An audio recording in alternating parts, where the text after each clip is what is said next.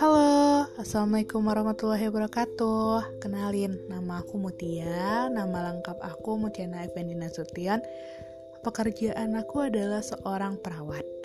Nah, ini adalah podcast pertama aku Di tanggal 3 November 2019 ini. Yeay, rada-rada bingung juga sih aku dari tadi Mau ngomong apa di podcast pertama aku. Tapi tujuan aku di podcast ini adalah aku mau sharing sama kalian tentang informasi seputar kesehatan ataupun tips and trick untuk kita menjaga kesehatan. Nah, berhubungan dari kemarin itu banyak banget pertanyaan yang masuk ke aku itu seputar tentang menstruasi. Nah, jadi menstruasi ini ataupun datang bulan ataupun kita sebut dengan mens ataupun kita sebut dengan halangan. Nah, itu harus kita ketahui. Banyak sekali mitos-mitos yang beredar di masyarakat seputar menstruasi ini. Nah, jadi ini penting banget buat kita guys yang seorang perempuan. Tapi nggak menutup kemungkinan buat pria juga harus tahu, ataupun buat cowok. Karena pasangan kalian itu nantinya adalah perempuan yang akan mengalami hal ini pada setiap bulannya. Jadi, perlu kita ketahui juga. Nah, buat yang pertama aku mau jelasin dulu nih menstruasi itu apa? Jadi menstruasi itu adalah proses keluarnya darah dari vagina yang terjadi diakibatkan siklus bulanan alami pada tubuh wanita. Nah, jadi siklus ini merupakan proses organ reproduksi wanita untuk bersiap jika terjadi kehamilan. Persiapan ini ditandai dengan penambahan dinding rahim atau biasa kita sebut endometrium yang berisi pembuluh darah. Jika tidak terjadi kehamilan, endometrium akan mengalami peluruhan dan keluar bersama darah melalui vagina. Nah, jadi proses inilah yang kita sebut dengan menstruasi. Nah, terus karena banyak yang nanya ini kalau lagi menstruasi itu boleh nggak ya minum air dingin kalau lagi menstruasi itu boleh nggak ya keramas jadi banyak banget mitos-mitos yang beredar di kalangan masyarakat seputar dengan menstruasi ini Nah, pada kesempatan kesempatan kali ini aku mau bahas tentang 7 mitos tentang menstruasi ini. Apa aja nih? Nah, untuk yang pertama itu katanya menstruasi adalah cara tubuh membersihkan dirinya sendiri. Jadi, sering kali nih, darah haid itu dibilang sebagai darah kotor. Jadi, menstruasi dianggap sebagai cara tubuh untuk membersihkan diri sendiri setiap bulannya. Nah, sekilas pertanyaan ini uh, terdengar ilmiah banget ya. Tapi menurut seorang dokter namanya itu dokter Maria Sopholz, nah dia adalah dokter kebidanan dan kandungan, dia mengatakan bahwa secara teori anggapan tersebut adalah salah. Karena menstruasi menandai akhir dari rutinitas bulanan rahim, di mana lapisan jaringan rahim tubuh sebagai persiapan akan kehadiran embrio. Nah, jika tidak ada embrio yang hadir, maka jaringan ini akan luruh bersama darah. Jadi hal inilah yang disebut dengan menstruasi. Jadi nggak ada namanya uh, bahwa menstruasi itu adalah pembersihan tubuh. Nah, selanjutnya untuk mitos yang kedua, katanya kalau lagi menstruasi itu kalau kita minum air dingin atau air es itu akan menunda datangnya menstruasi. Jadi banyak banget nih orang yang percaya kalau mengkonsumsi minuman dingin saat menstruasi akan menunda datangnya si tamu bulanan. Karena darah haid akan membeku kedinginan dan dinding rahim akan mengeras katanya. Kirain batu es ya bisa mengeras. Nah faktanya yang harus kalian ketahui minuman dingin nggak akan berpengaruh apa pun pada kelancaran atau terhambatnya menstruasi seseorang. Karena menstruasi berhubungan langsung dengan sistem reproduksi wanita sedangkan minum dan makan berhubungan dengan sistem pencernaan. Sehingga secara medis tidak benar adanya pengaruh antara minuman yang kita konsumsi dengan adanya gangguan pada haid karena sistem pencernaan dan sistem reproduksi itu terpisah dan gak ada hubungannya satu sama lain. Nah, terus yang harus kita ketahui, pada dasarnya ada tiga penyebab yang membuat menstruasi seseorang tidak lancar. Apa aja tuh? Nah, yang pertama, itu masalah pada dinding rahim. Itu kalau kita ada penyakit yang terjadi pada masalah dinding rahim. Yang kedua, adanya masalah hormonal dari indung telur sehingga nggak bisa haid nih. Nah, sedangkan yang terakhir itu masalah dari hormonal otak seperti stres, terus olahraga yang berlebihan, dan lain sebagainya. Jadi, air dingin bukan menjadi penyebab siklus menstruasi terhambat. Nah, itu untuk mitos yang kedua nih. Selanjutnya kita masuki mitos yang ketiga. Katanya dilarang keramas saat menstruasi. Nah, jadi di, selain dilarang minum air dingin, mitos seputar menstruasi lainnya itu adalah soal larangan keramas saat menstruasi. Nah, sekalipun katanya nih kalau mau um, mau keramas katanya harus menggunakan air hangat nggak boleh pakai air pakai air dingin. Nah, mitos ini beredar karena katanya adanya kepercayaan jika sedang menstruasi maka pori-pori kepala akan terbuka lebar sehingga rentan mengalami sakit kepala. Nah, fakta yang harus kalian ketahui bahwa menstruasi nggak berkaitan dengan seseorang perlu keramas atau enggak.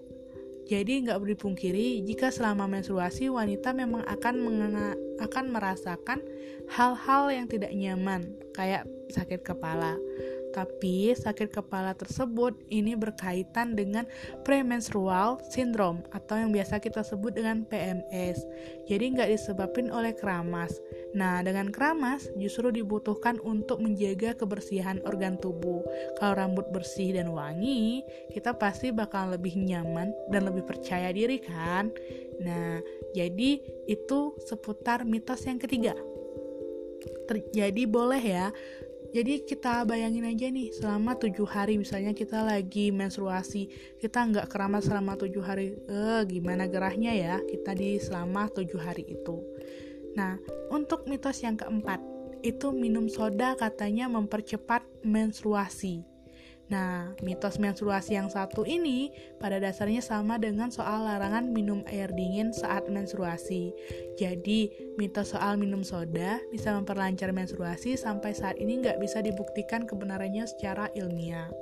Hal ini disebabkan makanan dan minuman yang kita konsumsi itu nggak mempengaruhi jalannya menstruasi, menjadi lebih cepat ataupun bahkan membuatnya semakin lebih lambat.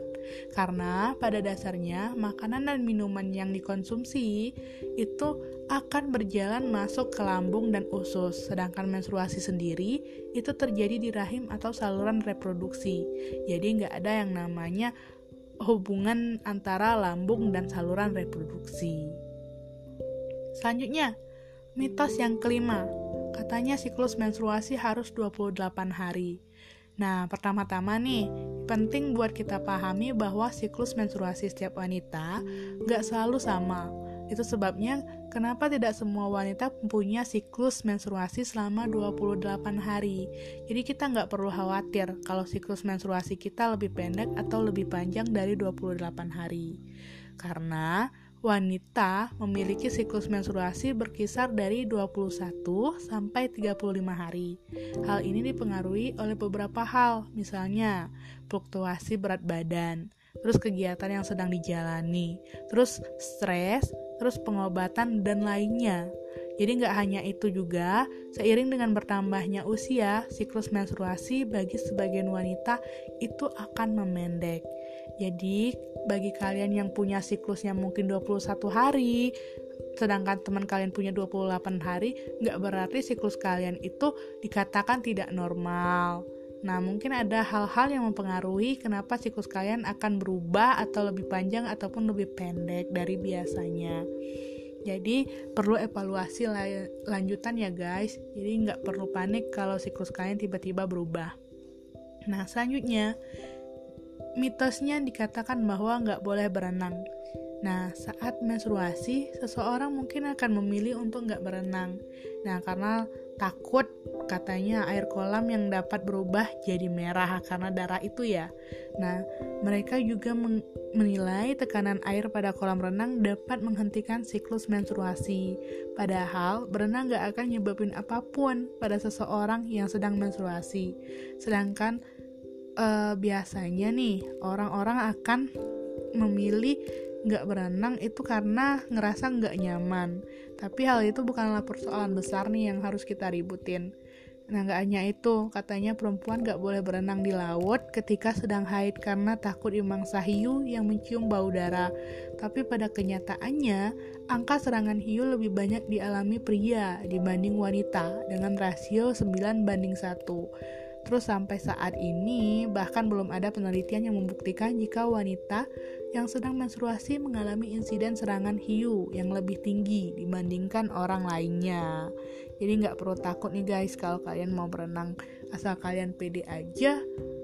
So lakuin aja apa yang kalian inginkan. Oke, selanjutnya fakta. Eh, fakta.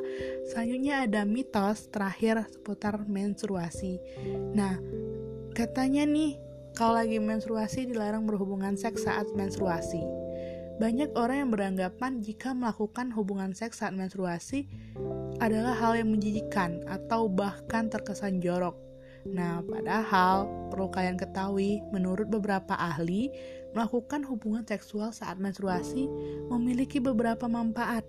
Misalnya nih, membantu meringankan kram perut. Hal ini dikarenakan gairah seksual dan orgasme melibatkan kontraksi otot dan pelepasan yang dapat membuat kram perut jadi lebih baik. Gak hanya itu, darah menstruasi juga bisa jadi pelumas alami. Nah, walaupun gitu, perlu dipahami jika berhubungan seks saat menstruasi haruslah dibicarakan lebih dahulu dengan pasangan Anda. Misalnya, preferensi dan kebutuhan seksual setiap orang itu berbeda-beda. Jadi jika kita dan pasangan merasakan nyaman dengan ide berhubungan seks saat ber, saat lagi menstruasi, ya oke-oke aja sih. Tapi penting untuk tetap melakukan seks yang aman ya, karena pada saat uh, kita sedang menstruasi itu akan ada resiko untuk terkena infeksi ataupun menularkan penyakit kelamin. Tapi sah-sah aja nih kalau kalian mau ngelakuin hubungan seks di saat lagi menstruasi. Nah, jadi itulah tujuh mitos seputar menstruasi. Jadi buat kalian jangan takut lagi kalau kalian mau minum air es, kalian mau minum cola ataupun minuman bersoda lainnya pada saat kalian lagi menstruasi. Terus enjoy aja kalau kalian mau berenang, kalau kalian mau berhubungan seks uh, ataupun tentang siklus kalian yang kalian anggap nggak normal yang nggak sampai 28 hari itu bukan berarti nggak normal ya guys. Perlu kita evaluasi selanjutnya. Oke mungkin itu aja dulu untuk podcastku yang pertama ini. Uh, makasih banyak udah dengerin podcast aku. Aku akhiri. Wassalamualaikum warahmatullahi wabarakatuh. Sampai ketemu di episode selanjutnya. See you